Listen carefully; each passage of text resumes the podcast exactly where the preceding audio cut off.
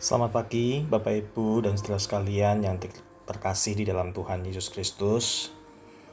Kiranya damai sejahtera Tuhan Yesus menyertai dan menaungi saudara semua. Masa senang dan masa sulit dalam kehidupan manusia itu datang silih berganti. Dalam setiap peristiwa, kita diajak untuk memaknai pemeliharaan dan penyertaan Tuhan dalam kehidupan kita dari sebuah kesulitan menjadi sebuah kesempatan untuk menjadi berkat.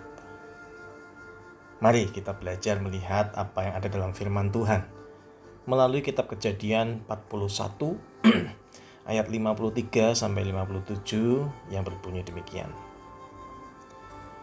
Setelah lewat ketujuh tahun kelimpahan yang ada di tanah Mesir itu, mulailah datang tujuh tahun kelaparan.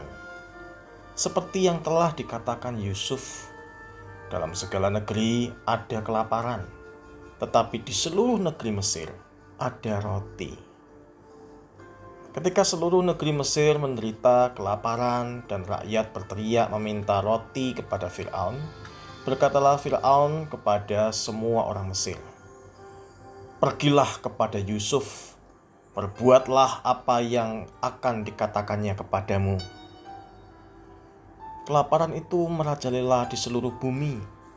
Maka Yusuf membuka segala lumbung dan menjual gandum kepada orang Mesir, sebab makin hebat kelaparan itu di tanah Mesir. Juga dari seluruh bumi datanglah orang ke Mesir untuk membeli gandum dari Yusuf, sebab hebat kelaparan itu di seluruh bumi. Amin. Demikianlah firman Tuhan. Berbahagia setiap orang yang percaya dan melakukannya dalam kehidupan sehari-hari. Bapak Ibu saudara kasih Tuhan, bacaan kita hari ini adalah sepenggal dari kisah kehidupan Yusuf yang mengalami perjalanan yang luar biasa. Dari seorang anak kesayangan dalam sekejap berubah menjadi seorang budak dijual oleh saudara-saudaranya sendiri. Dari seorang budak diangkat oleh Potifar menjadi kepala dari seluruh isi rumahnya, menjadi seorang kepercayaan. Tapi dalam sekejap juga tiba-tiba berubah menjadi seorang tahanan. Dan dari seorang tahanan berubah dalam sekejap menjadi seorang penguasa atas seluruh negeri Mesir. Kehidupannya terus mengalami perubahan tetapi kasih setia Tuhan bagi Yusuf tidak pernah berubah. Tuhan terus memperlengkapi Yusuf dengan hati yang tulus, dengan hikmat Tuhan salah satunya yaitu hikmat untuk pengetahuan menafsirkan mimpi. Dan hasil ketekunan Yusuf untuk berbuat baik itu di kemudian hari bukan hanya Yusuf yang diberkati Tuhan dengan luar biasa, tetapi Yusuf juga menjadi seorang yang hidupnya menjadi berkat dengan luar biasa bagi orang lain, bahkan dikatakan seluruh dunia. Luar biasa, saudara, seluruh bumi diberkati oleh kehadiran Yusuf.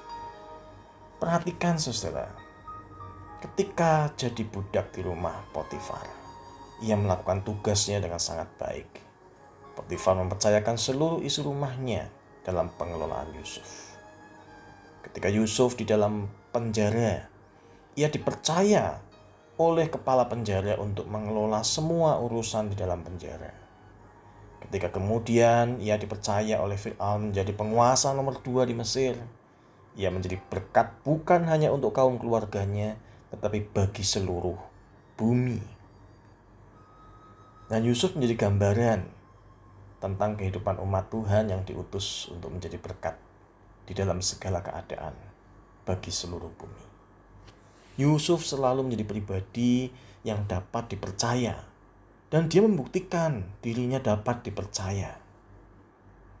Melalui kisah ini kita melihat bahwa kita diajak untuk hidup sebagai orang yang dapat dipercaya. Tekun dalam melakukan tugas tanggung jawab kita di hadapan Tuhan. Apa pun posisi kita di dunia ini, serendah apa pun itu dipandang orang dalam pandangan mata orang lain, lakukanlah segala sesuatu dengan sungguh-sungguh, seperti untuk Tuhan dan bukan untuk manusia. Sebab pada kenyataannya di dalam iman kita, kita tahu bahwa segala sesuatu yang kita lakukan di dunia ini semata-mata pelayanan kita kepada Tuhan. Belajarlah berhikmat seperti Yusuf yang mengelola berkat Tuhan dari tujuh tahun kelimpahan untuk kebutuhan pada masa tujuh tahun kelaparan. Yang berarti bahwa ketika kita hidup menerima limpahan berkat, kita perlu untuk mempersiapkan diri kita menghadapi apa yang tidak kita ketahui di depan.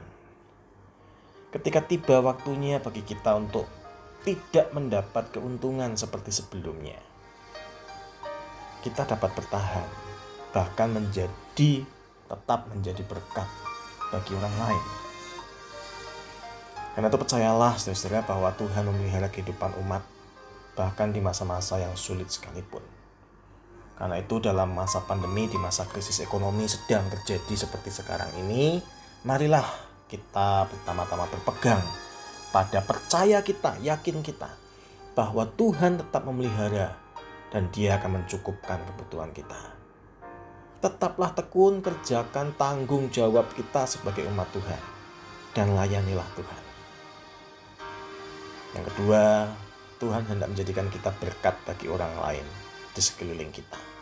Bahkan di tengah-tengah krisis ekonomi seperti sekarang ini. Seperti gereja Tuhan, kita tetap menjalankan panggilan kita untuk menjadi berkat bagi mereka yang memerlukan kasih Tuhan. Amin. Kiranya Tuhan menolong kita semua. Mari kita berdoa. Bapa yang penuh kasih, kami bersyukur buat segala kemurahan-Mu Tuhan yang boleh mengingatkan kami betapa kehidupan kami sebagai umatmu. Hidup kami ini seluruhnya sesungguhnya adalah melayani Engkau. Dengan cara apa kami melayani Engkau Tuhan? Yaitu dengan tetap tekun mengerjakan tugas panggilan kami, pekerjaan-pekerjaan kami dengan jujur dan tulus sebagaimana Yusuf telah memberikan contoh dan teladan yang demikian. Bagaimana Tuhan Yesus sang teladan yang sejati pun telah memberikan contoh yang demikian. Bagaimana engkau mengerjakan keselamatan selangkah demi selangkah, sekalipun harus memikul salib yang begitu berat, yang sesungguhnya bukan menjadi beban Tuhan, tetapi engkau mau memikulnya untuk kami kehadiran Kristus menjadi berkat bagi seluruh dunia. Demikian juga kehidupan kami kiranya Tuhan ubahkan. Bukan hanya untuk diberkati, tetapi menjadi berkat bagi banyak orang. Terima kasih Tuhan atas rencana indah atas dalam kehidupan kami ini. Kami sediakan hidup kami untuk Tuhan pakai. Dalam nama Tuhan Yesus Kristus saya berdoa. Amin.